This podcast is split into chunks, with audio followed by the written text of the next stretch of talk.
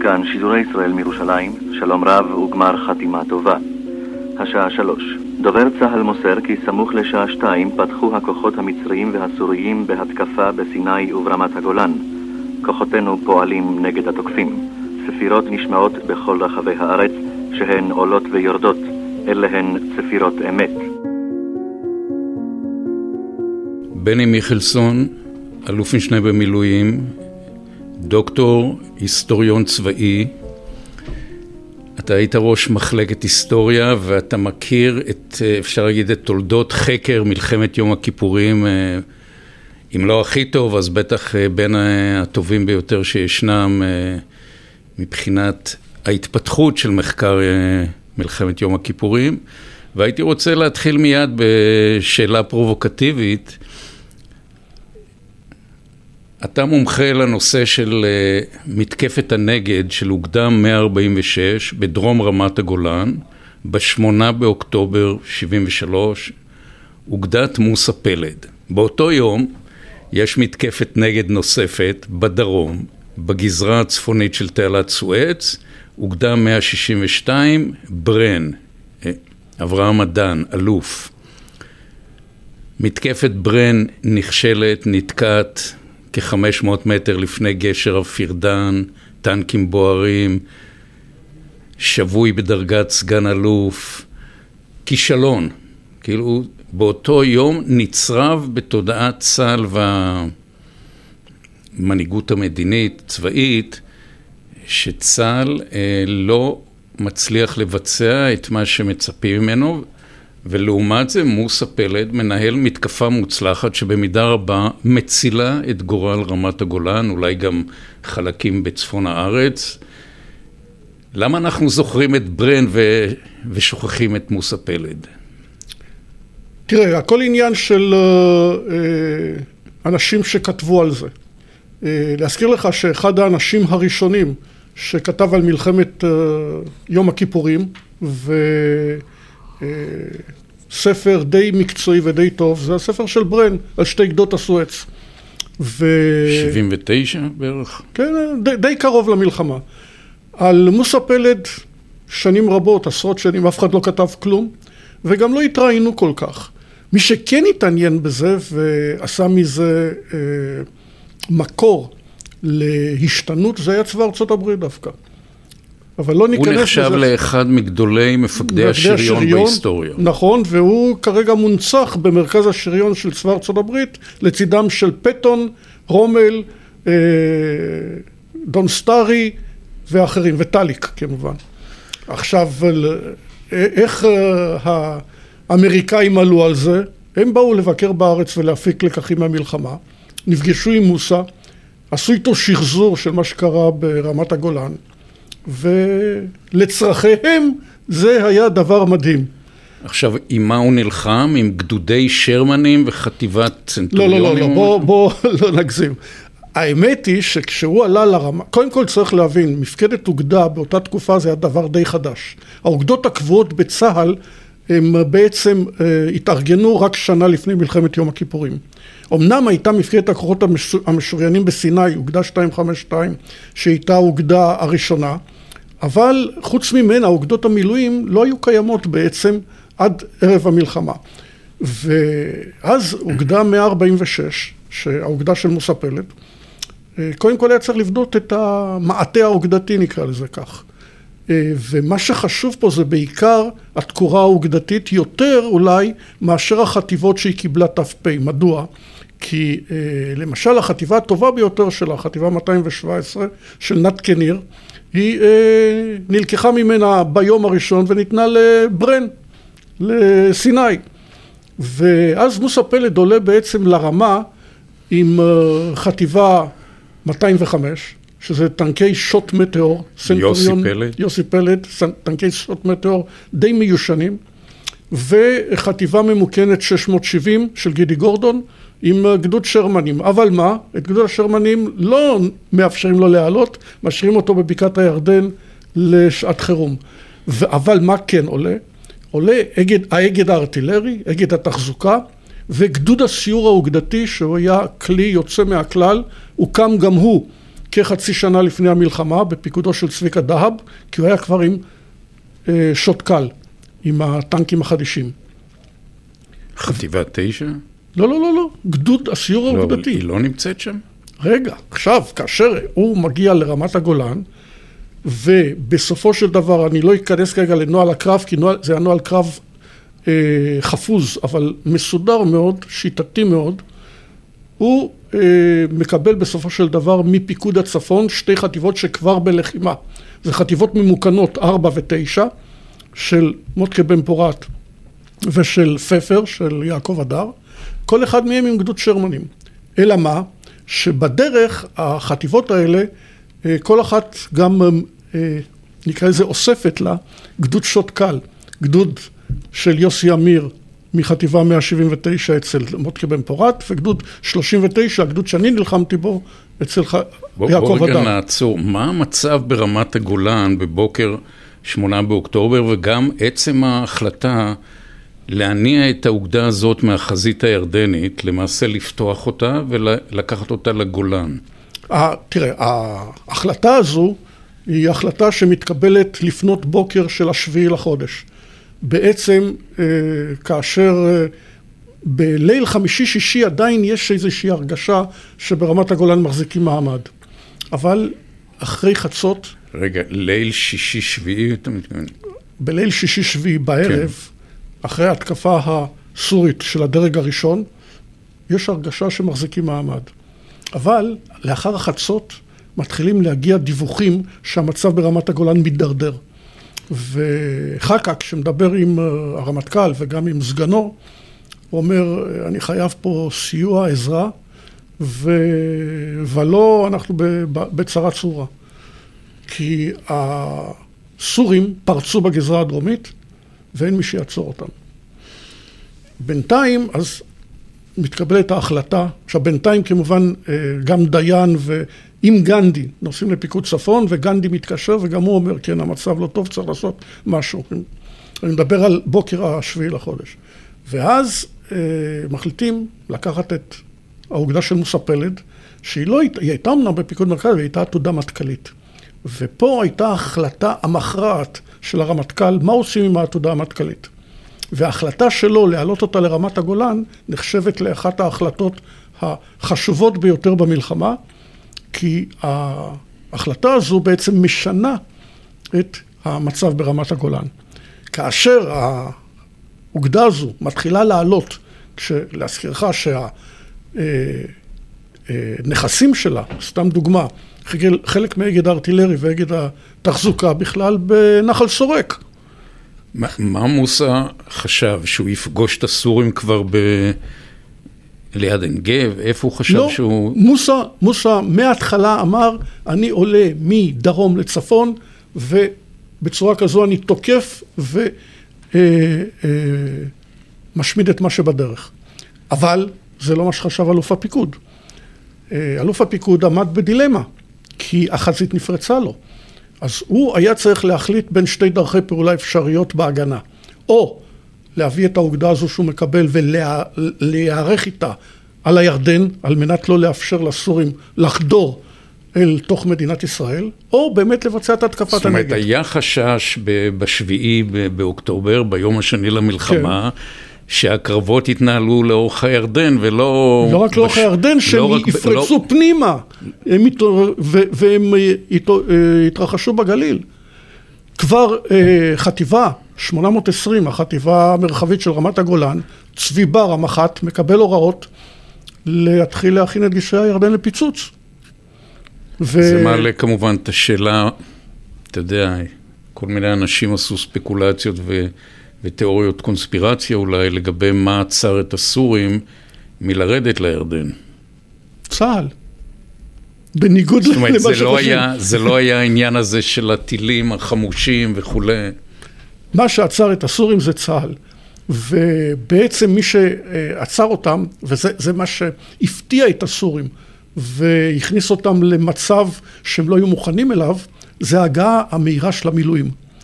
גדוד המילואים הראשון של צה"ל נכנס ב-11 בלילה, בשישי לחודש, כבר ללחימה, ברמת הגולן. איזה זו, חטיבה? חטיבה 179, גדוד 266 של עוזי מור. הוא כן. עולה דרך אה, אה, גשר בנות יעקב, נכנס ללחימה בציר הנפט יחד עם כוח צביקה, מה שנהיה אחר כך, והוא כבר בלחימה ב-11 בלילה. זאת אומרת, הם ציפו שייקח 24 שעות כמו שאנחנו חשבנו, גיוס המילואים והיערכות והכל. פתאום פה אחרי כמה שעות יש לך כבר גדוד בלחימה. עכשיו בבוקר ובמהלך הלילה מצטרפים עוד כוחות. מ-679, מ-179, ובבוקר כבר גם 4 ו-9. זאת אומרת ביום, ש... בשביעי לחודש, בסביבות בין 11 בבוקר ל-2 בצהריים, כבר יש למעלה מעשרה גדודי מילואים במגע עם הסורים.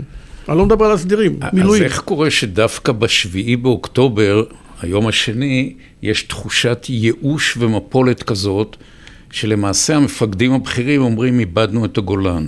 כי אה, יש לך פריצה בדרום, ו... ויש פה עוד שאלה שצריך להבהיר. מי בכל זאת החליט שבציפורניים נלחמים עד הכדור האחרון לא לרדת מרמת הגולן?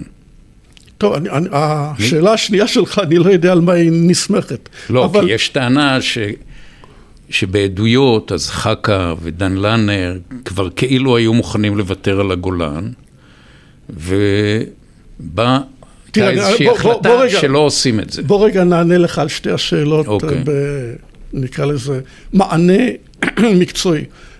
במפקדות הבכירות, אתה לא יודע מה באמת, זאת אומרת, היום יש לך יותר יכולת לדעת מה קורה בשטח בגלל מערכות השליטה ובקרה הממוחשבות, אבל אז לא הייתה לך יכולת לדעת מה שקורה. בעצם מה שהיה לך במפקדות הבחירות, וכרגע אני מדבר על מפקדת פיקוד הצפון, זה דימוי של המציאות, ולא המציאות.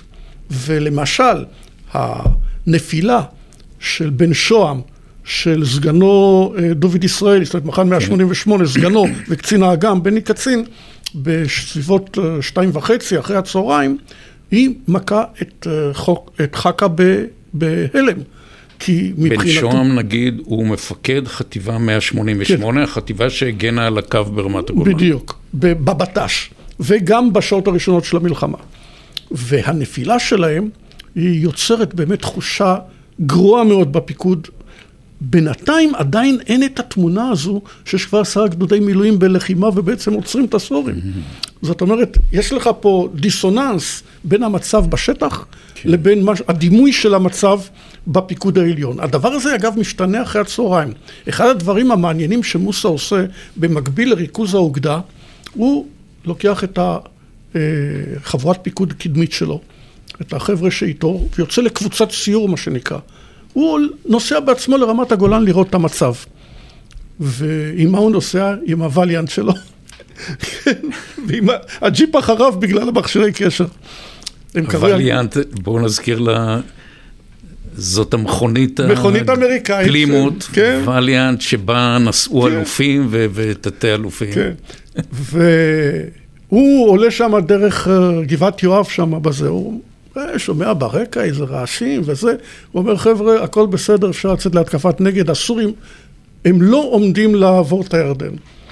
בינתיים גם מגיע בר לב לפיקוד ובר לב גם כן הרבה יותר רגוע והרבה יותר זה ואז בשש בערב... הוא בא בבגדים אזרחיים. לא, לא, לא, הוא היה כבר במדים. והוא אומר חבר'ה צריך להירגע הכל בסדר ואגב יש יחסי קרבה מאוד גדולים בין מוסא לבין בר לב עוד מזמן. אז הוא מרגיע את כולם. אז הם מארגנים את זה מעל לראשו של אלוף הפיקוד? לא, לא, לא, איתו, יחד איתו. אלוף הפיקוד פשוט נמצא, אני אומר לך, מהצהריים במצב נפשי מאוד... אה, זה, וצריך לעודד אותו. ומעודדים אותו, ואומרים לו הכל בסדר, אפשר לצאת להתקפת נגד, והוא מיד מתעשת ואומר כן, נצא להתקפת נגד, ואפילו אומר למוסא, אתה תקבע את שעת השין. למה? אתה צריך לקבל את החטיבות שבמגע, להכניס אותם לנוהל הקרב האוגדתי, ולצאת עם ארבעת החטיבות שלך עכשיו להתקפת הנגד, אתה תקבע את שעת השין. והדבר הזה בשביעי לחודש אחר הצהריים בעצם כבר בתודעה הופך את, ה, את העניין. בינתיים, וזה מה שחשוב, הסגן של מוסא, רותם, יחד עם ראש המטה אריה שחר, ומפקד נגד התחזוקה, מנחם זהבי, הם מארגנים את העלאת האוגדה. זה לא פשוט. רק גדוד אחד עולה על מובילים. כל השאר צריכים לעלות מנחל סורק, ממחנה עופר, מבית דרס, מבית אל, על רכבים, שרשראות, מה שאתה רוצה, לרמת הגולן. עכשיו, להזכיר לך, זה טנקים מיושנים. גם מהשוט מטאור זה טנק מאוד מיושן. הם מוסרים בצמח שמה בכלל לתדלק, בתחנת דלק האזרחית. ויוסי פלד נותן לו... פורצים את זה? מה? פורצים את התחנה? לא, יוסי פלד נותן להם פתק. על הדלק שלקחו להם. תבואו אליי בשש אחרי המלחמה, כן, אני אשלם את הדלק. ואגב, שמה גם מקיים בערב מוסה פלד את קבוצת הפקודות. שם הוא היה מאוד מסודר, הלוא הוא מפקד פום, והוא היה מאוד מסודר. עושה קבוצת פקודות, לא קורא למח"טים שבלחימה כרגע למוטקה בן פורת ולפפר אליו, להפך, הוא שולח אליהם נציגים שלו, את רותם, את סגנו לפפר, את uh, יהודה גולד, יהודה אשנפלד, שהיה קצין הקישור הפיקודי, גם אלוף משנה ותיק, אקס מח"ט, למוטקה בן פורת, על מנת להעביר להם את הפקודה. ו... להבדיל מהנוהג שהיה בדרום וגם אצל דדו, תבוא אליי, כולם באים לתל אביב או לאום חשיבה. אתה אמרת, את... אני כרגע אומר מה עשה מוסא.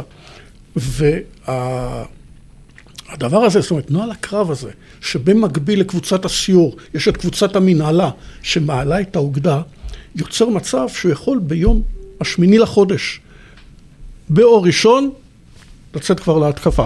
ומה קורה אז? מה, איך הקרב מתוכנן? כי אני רוצה לעבור אחרי זה לנושא של באמת לימוד בדיעבד, איך, איך למדנו מה קרה ברמת הגולן, וגם למה הקרב המוצלח הזה, ואפשר להגיד מראש, ש, שלמרות האבדות הקשות, הוא היה קרב מוצלח בצורה בלתי רגילה. נכון, הקרב הזה הוא אה, אומר, אה, מוסא, קודם כל זה צריך להיות פשוט. למה? אני מכניס כל מיני כוחות שהם לא נפגשו לפני המלחמה. אז מה הוא עושה? הוא עושה התקפה בשני מאמצים. המאמץ העיקרי הוא מאזור גבעת יואב לעבר פתחת אל על ומדרום לצפון, ושם הוא... איזה אויב יש לו שם? אז תכף אני נדבר על האויב. ושם הוא מפעיל את חטיבות אה, תשע של מוטקה בן פורת, 205 של יוסי פלד ו-670 של גידי גורדון, ומאזור מעלה גמלה את החטיבה של פפר של יעקב הדר, שאותה הוא מתגבר עם עוד גדוד טנקים, ואז יש לו בעצם התקפה בשני זרועות. עכשיו, האויב שממול זה מאוד מעניין, זה, זאת הגזרה שהסורים אה, הבינו שהם פרצו אותה. אז הם מכניסים לשם קודם כל את השריון של דיוויזיית החי"ר 5 וחלק מדיוויזיה 9, דהיינו שתי חטיבות שריון. אחר כך מגיע אה, הדרג השני של השריון הסורי, חטיבה 47 וחטיבה ממוקנת 132. זאת אומרת, אתה כבר נמצא... הם בש... מזיזים כוחות מצפון לדרום כן, בגלל מצ... ניצול הצלחה. ואחר כך מכניסים את כל דיוויזיה אחת פנימה. זאת אומרת, מוסא פלד נכנס ללחימה כאשר מולו נמצא כל השריון של דיוויזיה 5 וכל דיוויזיית שריון אחת הסורית.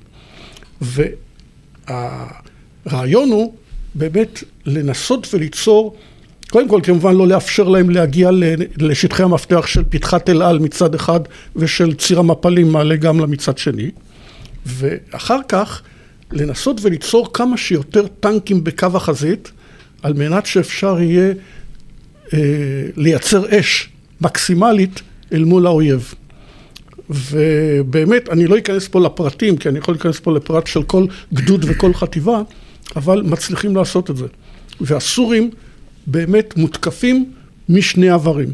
עכשיו, גם כשבמקביל דיוויזיה אחת תוקפת לכיוון נפח, הוא נתקע שם בחטיבה 679, ומה שנשאר מ-179 שבא מקצביה. זאת אומרת, נוצר כיס ענק של כוחות סורים בדרום ומרכז רמת הגולן, וההתקפה הזו ביום הראשון מצליחה להביא אותם עד ציר הנפט, עד קו ג'וחדר,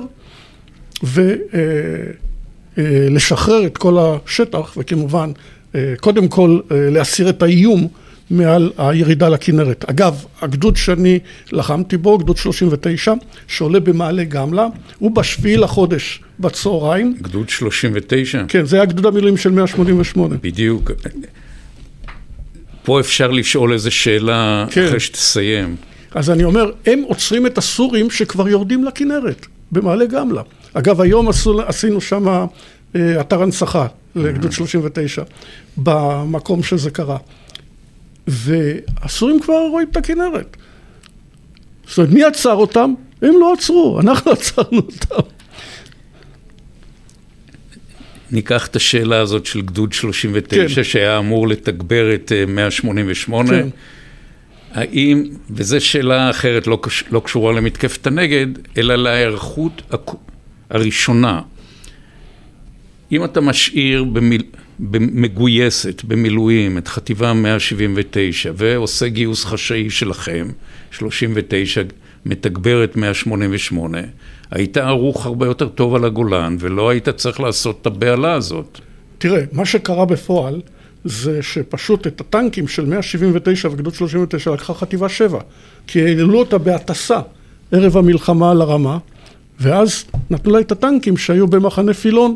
ולכן 39 במקום לקחת את הטנקים שלו ממחנה פילון הלך למחנה נפתלי לקח את הטנקים של חטיבה 164 אתה, אתה מבין? היה פה מין זה. כן, עכשיו, כן, אז כן. אתה יכול להגיד למה העלו את חטיבה 7 לרמת הגולן? למה העלו? כי חשבו ששלוש חטיבות ישראליות מול שלוש דיוויזיות סוריות זה מספיק זה היה אמור להביא ל-220 או 300 טנקים? היו 177 טנקים ברמת הגולן. בפועל, אבל בפועל. אה, זה, זה שתי בפועל חטיבות. זה שתי חטיבות טנקים ועוד חטיבת חי"ר, אבל אתה בונה שלושה צוותי קרב חטיבתיים. אז עכשיו אנחנו נדלג, אחרי שלמדנו פחות או יותר את מתקפת הנגד של אה, מוסה פלד, שבעצם... איזנה או לא, התחילה רגע, את הכיבוש אבל, מחדש לא, של לא רמת הגולן. כי, כי עיקר הלחימה היא בתשיעי לחודש. בתשיעי לחודש קורה דבר שלא קורה באף גזרה, והייתי אומר באף מלחמה. אוגדת מוסא פלד משמידה דיוויזיית שריון סורית, את דיוויזיה אחת הסורית. שהמפקד שלה כבר יושב בתל פאזה, בשטחנו. וכמובן, אמרתי לך, בסיוע של קצת 6, 7, 9 מצפון, 179 ממערב, אבל אוגדה ישראלית שמשמידה דיוויזיה סורית, זה דבר שכמעט לא... אתה יודע, אחרי המלחמה, רק מה... יש השמדה של הדיוויזיה או שהם אה, מתקפלים לאחור? לא, לא, לא, לא, הם לא מצליחים לצ... לצאת עם הטנקים ועם הרקם שלהם בכלל מחוץ לרמת הגולן. אחר כך אנחנו מקימים מזה אוגדת uh, שריון ישראלית מהטיראנים ואפילו מה-T62 שאנחנו תופסים שם. הנקודה המעניינת פה, ודיברנו על זה קודם, שקהלני וחטיבה 7 בגזרה הצפונית זללו את כל החמצן של קרבות הגולן ואף אחד לא ידע על הדבר הזה שאתה מתאר בפנינו, על, ה, על מתקפת הנגד ועל השמדת כוח השריון העיקרי. איך אתה מסביר את זה? תראה, אני אומר שוב, ה, אה, לא כתבת, אתה לא קיים. קהלני, לזכותו ייאמר, ואני מצדיע לו על כך, הוא הראשון שכתב על אה, קורותיו במלחמת אה, יום הכיפורים. ואני עזרתי לו, כי אמרתי, אני עוזר לכל מפקד שיכתוב על הלקחים שלו והרשמים שלו מהמלחמה. וקהלני הראשון שכתב, והרבה הרבה הרבה הרבה שנים לפני כל האחרים. לציבור הרחב אני אומר. אז לכן זה נשאר צרוף כן. בתודעה. בעוד שעל מוסא... הוא לא טרח לכתוב אף פעם. הוא לא כתב ואחרים לא כתבו. לא רק זה, אני אגיד לך עוד דבר שמאוד חשוב להזכיר אותו בעניין הזה של התקפת הנגד. כאשר הסורים ראו שבעצם כל השריון שלהם מושמד ברמת הגולן, מדבר איתך כרגע על התשיעי לחודש בערב ותחילת, בליל תשיעי עשירי, הנספח הצבאי הסובייטי בדמשק מיד אומר לברית המועצות, תשמעו, תעשו כל מאמץ לתגבר את הסורים, אחרת תהיה פה קטסטרופה נוראית. כי היהודים מחסלים אותם לגמרי. עכשיו זה עוד נקודה, אתה אומר פה, אתה ממקם את זה בתשעה באוקטובר, כן? למחרת, בערב. המשך של... לפי עדותו של טליק, היום הזה היה יותר מייאש אפילו מהשבעה ב... מיומיים קודם. מייאש המחש... בדרום? לא, בגולן. אתה יודע מה, יכול להיות שבאופן, כן, הוא מתאר את זה כאיזה יום קודר במיוחד, אולי פסיכולוגית, ההנהגה המדינית התחילה לקלוט אה, מה נפל עליה, אנחנו מדברים בסך הכל על שלושה ימים אחרי פתיחת המלחמה. כן, זה כולל כנראה גם את השקלול של, של כישלון מתקפת הנגד של ברן יום קודם. אבל זה בהחלט כולל גם את, ה... לא, את הגולן. תראה, היה לי הרבה שיחות. הרי למה, למה החליטו לתקוף את המטכ"ל הסורי ב... בתשיעי לחודש. בתשיעי בחודש. בסדר, זה חלק מהתקפת הנגד. תראה,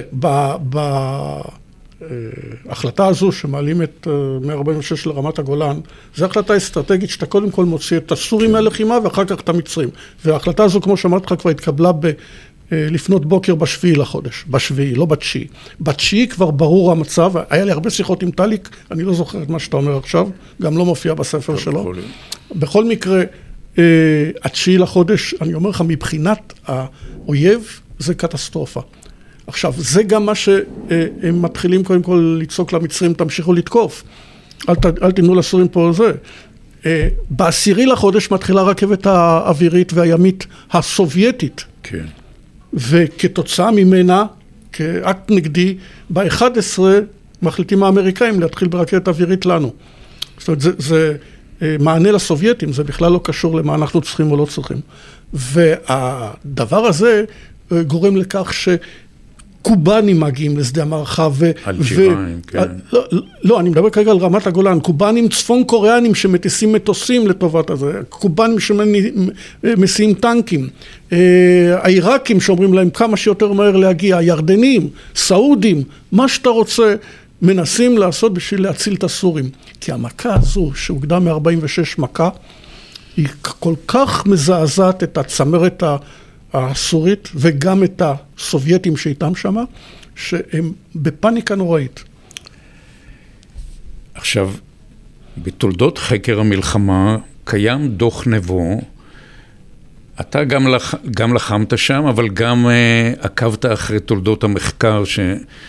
של מלחמת יום הכיפורים ובייחוד של uh, רמת הגולן. מה אנחנו לומדים מדוח נבו, שלמעשה סוקר את ההיערכויות, את התכנונים, וגם את uh, היום או היומיים הראשונים של המלחמה ברמת הגולן. תראה, דוח נבו עשה עבודה יוצאת מהכלל, כי הוא, uh, לפי זה בקשת... זה נעשה תוך כדי העבודה של uh, ועדת אגרנט, נכון? זה ועדת נכון? משנה של ועדת אגרנט. יהושע נבו, ועדת משנה של ועדת אגרנט. אגב, לימים... מה? חסדאי היה שם, לא? לא, חסדאי היה אחד העוזרים, לא שייך לוועדת נבו. אבל מה שאני רוצה לומר, לימים אני, כשאני עושה את הדוקטורט, הדוקטורט שלי על מלחמת סיני, אני מוצא אותו כקצין אג"ם שם, לא משנה, גם כן כוועדת חקירה, ולא חשוב. יהושע נבו הוא אדם מאוד מקצועי, והוא עושה אה, ניתוח טולי של הגנת רמת הגולן בשתי יממות הראשונות. והוא אה, מצביע שמה על הרבה מאוד, אה, קודם כל הוא נותן תיאור אה, די מדויק של מה שהתרחש, והוא מצביע על, ה, אה, נקרא לזה הלקחים הטולים מההגנה, כולל כל השגיאות שעשינו שם. וסתם דוגמה, אתן לך הטלת העתודה, חטיבה 7, ללחימה שלושת רבעי שעה אחרי שמתחילה המלחמה, כשעוד לא יודעים בכלל איפה הסורים תוקפים. ולגזרה הצפונית. הצפונית. אה, דבר שיוצר אי איזון קלאסי ב- בלחימה. אה, דבר... גם דבר... הטילו אותה לצפון על ידי החלטה של סגן אלוף צעיר שהוא קצין אג"ם של האוגדה. תראה, בוא של נאמר הפיקוד, ככה. של הפיקוד. של הפיקוד. אה, אורי שמחוני אורי בעניין שמחוני. הזה היה יחד עם, אה, עם יאנוש, גם יאנוש תרם לכך.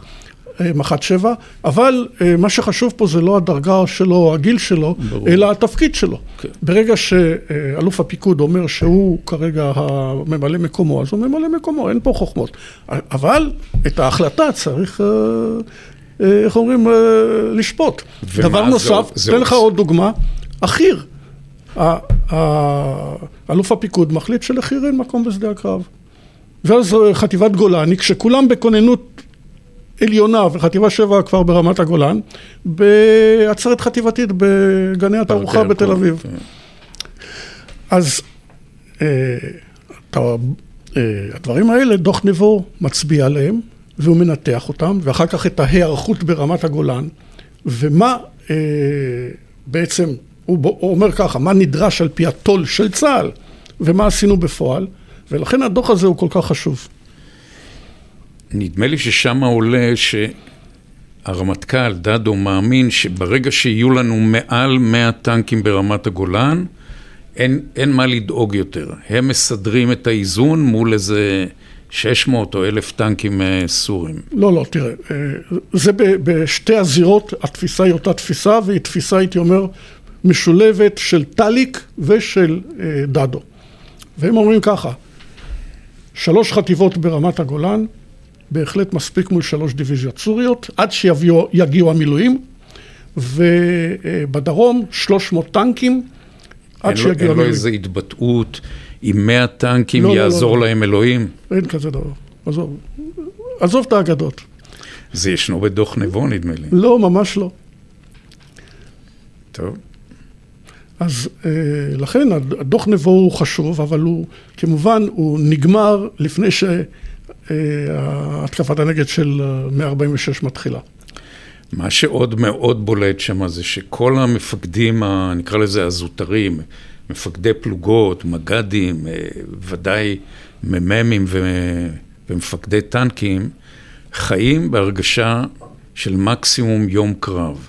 אין הפנמה של מלחמה, שאנחנו עומדים מול מתקפה כוללת. זה נכון. כאשר אה, פורסים את הטנקים בחזית, אחרי שאלוף הפיקוד בעשר בבוקר אומר מלחמה, אז אה, כולם אומרים לפי קפיטל. בדיוק. תיפרס לפי קפיטל, וככה נפרסים ברמת הגולן. אה, גם אלוף הפיקוד לא עושה שום דבר כתוצאה מהאמירה שלו שתהיה מלחמה. זאת אומרת, ייתכן ו... אני לא יכול עכשיו לשאול את חכה, אבל ייתכן שהוא בכלל אומר מלחמה, ובראש שלו זה חזר למלחמת התשה. ולא למלחמה אבל כזאת. בגולן לא הייתה מלחמת התשה כמו בתעלת סואץ. הייתה, במידה מסוימת די הייתה. להזכירך את מבצעי קיטון 10 והקלחות למיניהם בלבנון וכל מיני, הייתה שם מלחמת התשה, היא לא הייתה כמו בסואץ, זה נכון, אבל הייתה מלחמת התשה. אז כל המודיעין הזה שנאסף, בוא נגיד, בשלוש שנים שלפני המלחמה, והראה על תרגילים סורים שמטרתם, לא יודע, עם כוח של כך וכך דיוויזיות, לכבוש את רמת הגולן. לא מדבר על הגליל, חיפה, מדבר על רמת הגולן. כל זה לא הופנם על ידי הפיקוד הבכיר? כן הופנם, גם היו תוכניות. היו תוכניות, ואפילו, אה, להזכירך, ביום שישי, ב-11 בבוקר, אני מדבר איתך למעלה מיממה לפני פרוץ המלחמה, מוצאת uh, הוראת מנעול ופקודת אשור, שזה אומר שכל הסדירים בבסיסים, כל מרכזי הגיוס מאוישים, ובעצם זה כוננות ללחימה. מה הבינו בפיקוד צפון מה, נגיד, האזהרה של דיין ערב ראש השנה או משהו, שבכל זאת ההנהגה המדינית ערה יותר למתיחות ברמת הגולן עם חששות מסוימים להתקפה, הרבה יותר מאשר בדרום. לא, זה לא היה מדינית. להזכירך שדיין עולה לרמת הגולן לפי בקשת אלוף הפיקוד. אלוף הפיקוד אה, רואה את השינויים בהיערכות של הצבא הסורי, והוא אומר שבמצב הזה אנחנו נתקשה מאוד אם הסורים יתקפו, והוא מבקש משר הביטחון לעלות ולראות בעצמו.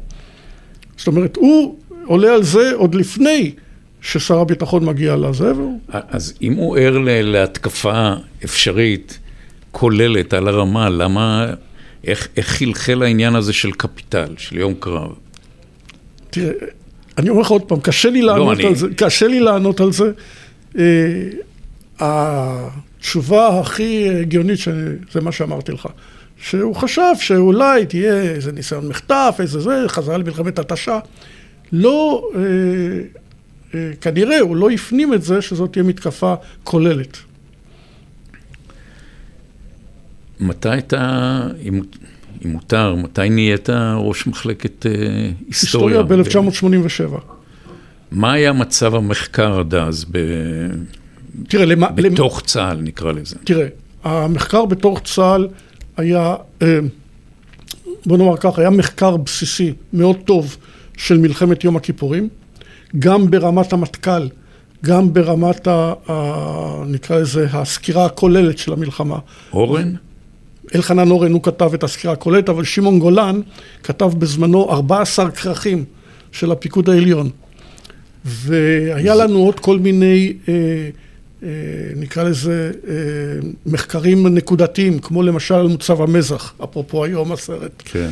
או אה, על סרפאום, על אה, מתחם אורחה, אה, כל מיני דברים כאלה. זאת אומרת, היו אה, מחקרים שכבר היו בשלב די מתקדם.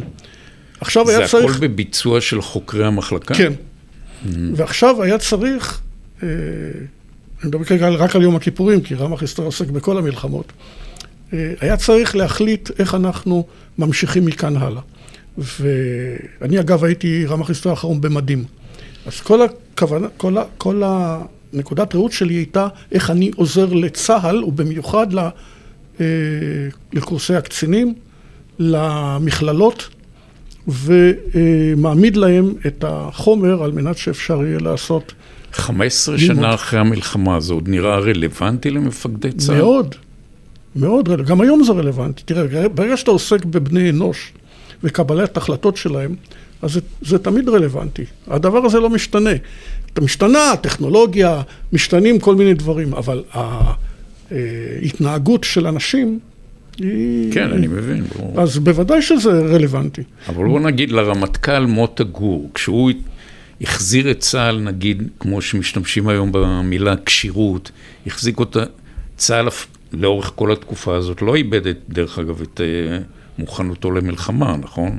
הוא לא בא ואמר, נהרגו לנו 2,500 אנשים, אנחנו מרימים ידיים. לא, לא, לא, בוודאי שלא. לא רק זה אבל גם... אבל מה, איזה תחקירים עמדו לנגד עיניו? אתה אומר תראה, פה 87 זה 15 שנה אחרי המלחמה. אני אומר ככה, מוטה גור כשבא, הוא היה בראשו קודם כל לנתק את צה"ל מה... אה, נקרא לזה מהכשלים אה, של מלחמת יום הכיפורים. ואחד הדברים, מיד אחרי המלחמה, דדו, מאוד מאוד הרחיב את מחלקת היסטוריה שהגיעה לעד כדי שבעה ענפים שחקרו את כל מה שהתרחש במלחמה. מוטה אמר, די לחטט בפצעי העבר, אנחנו מסתכלים קדימה, ובעצם מחלקת היסטוריה בתקופתו חזרה להיות שלושה ענפים. זאת אומרת, זה, אבל הם המשיכו לחקור את המלחמה. ובמיוחד בדחיפה של מוסא פלד שהוציא שנה אחרי זה במפקד גייסות השריון, הלוא התמנה למפקד גייסות השריון, את הספרים, אה, נקרא לזה חוברות, על עוצבות חשן במלחמת יום הכיפורים, שעד היום זה דבר בסיסי במחקר. ולכן המחקר המשיך. כשאני הגעתי, זה אמנם לא עשו אבל היה מחקר בסיסי, כמו שאמרתי לך, שני החוקרים האלה, שמעון גולן ואלחנן אורן, ועוד כמה חוקרים שעסקו בדברים יותר נקודתיים, הם אה, עסקו בעניין הזה, ואני פשוט הגעתי למצב ש... לא משנה, הכנסתי שינויים כי רציתי שהאויב יהיה בפנים ועוד כל מיני דברים, אבל אה, הגענו למצב שאני לקראת סיום תפקידי במחלקה, כבר היה לי ספר שהופץ בתוך צה"ל על תולדות מלחמת יום הכיפורים. זה נכון שכל חומר שנחקר על מלחמת, באותה תקופה, על מלחמת יום הכיפורים, היה צריך אחרי זה ללכת לטאליק, לאלוף טל. תראה, מה שאנחנו עשינו זה אה, את המחקר שלחנו לכל האלופים שעוד היו בחיים והשתתפו, ובזמנו קיבלנו גם הערות שאסור להפיץ את ה... המחקר הזה משלושה אלופים. זה היה טליק, זה היה בני פלד וזה היה אריק שרון.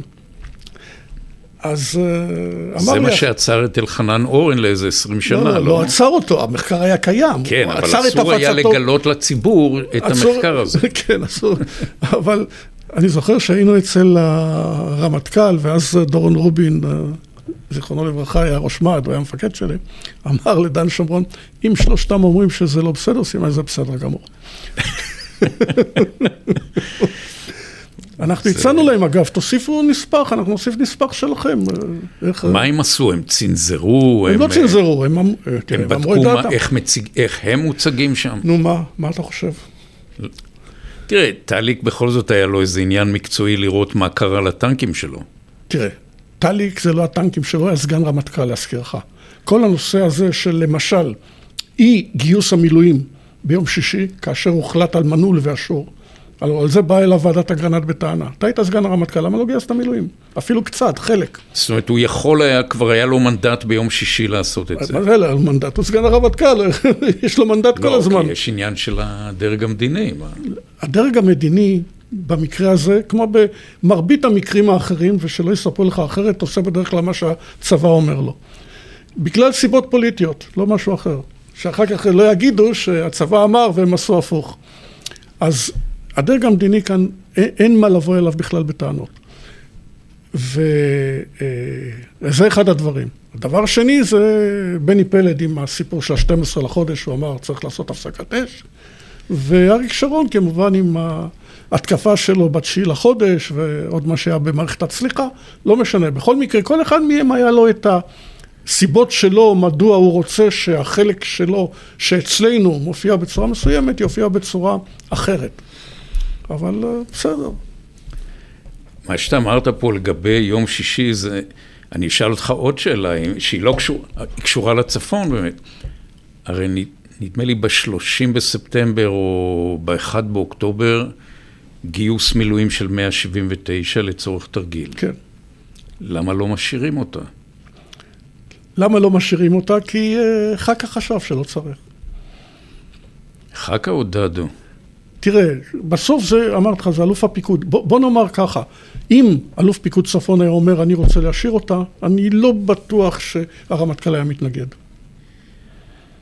זאת אומרת, זה נחשב למעין התגרות כלפי הסורים. אני לא יודע אם התגרות, להזכירך שזה היה אחרי שהופלו להם מטוסים, ולא כן. רצו לחמם את הגזרה. כל התירוצים של אלי זעירה.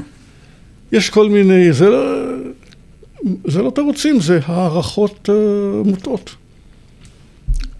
הערכות מוטעות.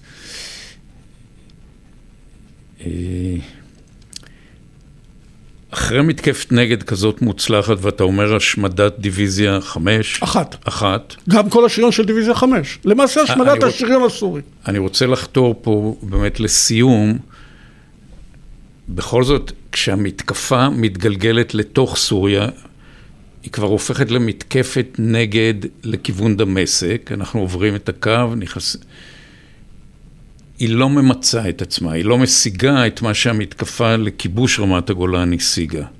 אתה יכול לתאר ולהסביר כן, תראה, מה, מה, שקורה, מה שקורה, אנחנו יוצאים לא למתקפת נגד, הפעם למתקפה. מתקפת הנגד נגמרה, כן, עכשיו יוצאים למתקפה לעבר דמשק, כשהמטרה היא להגיע לטווח ארטילריה בינונית מדמשק. זאת אומרת 20 קילומטר מהבירה הסורית. דרך אגב, זה די מדהים שאנחנו מסיימים את הבלימה ואת כיבוש מחדש בעשרה באוקטובר או כן, משהו, כן. למחרת אנחנו כבר בהתקפה קדימה. כן. דבר שהיום היה לוקח חודש. היום בכלל כל המהלך הזה, אני לא יודע אם היה לוקח חודש או חודשיים, אבל מה שאני רוצה לומר זה שאנחנו יוצאים למתקפה, המטרה היא להגיע 20 קילומטר, טווח ארטילריה בינונית מדמשק, אבל אז מגיעים העיראקים. ברגע שהעיראקים מגיעים, והם מגיעים עם כוחות גדולים מאוד, הם משנים את האיזון. להזכירך, הכוחות שלנו שתוקפים זה כוחות כבר, אמנם התארגנו מחדש, אבל כבר עייפים, כבר חלקם שחוקים, ופתאום מגיע לך חיל המשלוח העיראקי. אגב, זאת סיפור בפני עצמו, איך חיל המשלוח העיראקי הזה נוסע במשך עשרה ימים, ברור. ו- ואף אחד לא עושה לא לו כלום. בו. כן, במקום שאין הגנה אווירית. ו- ו- אתה רומז שחיל האוויר פה הבריז. לא, אני שואל איפה חיל האוויר. חיל האוויר אומר, מה, אני לא ידעתי. בסדר. בכל מקרה, אה, ברגע שהעיראקים מגיעים, ההתקפה נעצרת. אני רוצה לסיים אה, בשאלה מה, מה מעניין היום את המפקדים הבכירים של צה"ל ביום כיפור. כי אתה אומר, גם היום המחקרים האלה מעני... לא סתם מסקרנים את, אה, את צה"ל, את הפיקוד הבכיר, אלא יש מה ללמוד מהם. באיזה אופן? תראה, יש הרבה מה ללמוד. למשל, אחד הדברים המעניינים ביותר זה אה, הדוגמה שנתתי של נוהל הקרב של אוגדה 146, כשהיא עולה מפיקוד המרכז ישר להתקפת נגד בפיקוד הצפון. זה דבר שחייבים ללמוד אותו מדוע, כי אה, היום הם לא נוסעים. הוא אומר לי, נתתי הרצאה בחטיבה 7, אז הוא אומר לי אחד הקצינים שם, כמה נסעו? אמרתי לו, בערך 200 קילומטר. הוא אומר לי, מה, אנחנו בקושי נוסעים חמישה קילומטר. זאת אומרת, ברגע שאתה אה, צריך ללמוד, להניע אוגדה מגזרה לגזרה, היום אין דבר כזה. היום כל הדברים האלה כבר, עכשיו, זו תפיסה אחרת לגמרי. מה זה אגד תחזוקה? אין היום אגד תחזוקה. מה זה אגד ארטילרי? איך זה עובד? היום זה יש מרכזי אש. בקיצור, העסק השתנה, אבל כשאתה עובר, היום בעצם אתה נמצא במצב שצה"ל חזרה בעוצבות שנקראות חטיבות, והרבה מאוד עוצמת אש, מעט מאוד תנועה בשדה הקרב. אם נצטרך לחזור לתנועה בשדה הקרב, אתה חייב ללמוד את הלקחים. כי, ואתה, להערכתי אנחנו נצטרך להגיע לזה אם תרצה להשמיד את מרחבי השיגור של הרק"ק מהטריטוריה של האויב. זה, זה, אה, ברגע שאתה צריך לעבור לקרב תנועה, אתה חייב לחזור ליום הכיפורים ואפילו לששת הימים. בני מיכלזון, תודה רבה. זה היה מאוד מאלף. תודה רבה.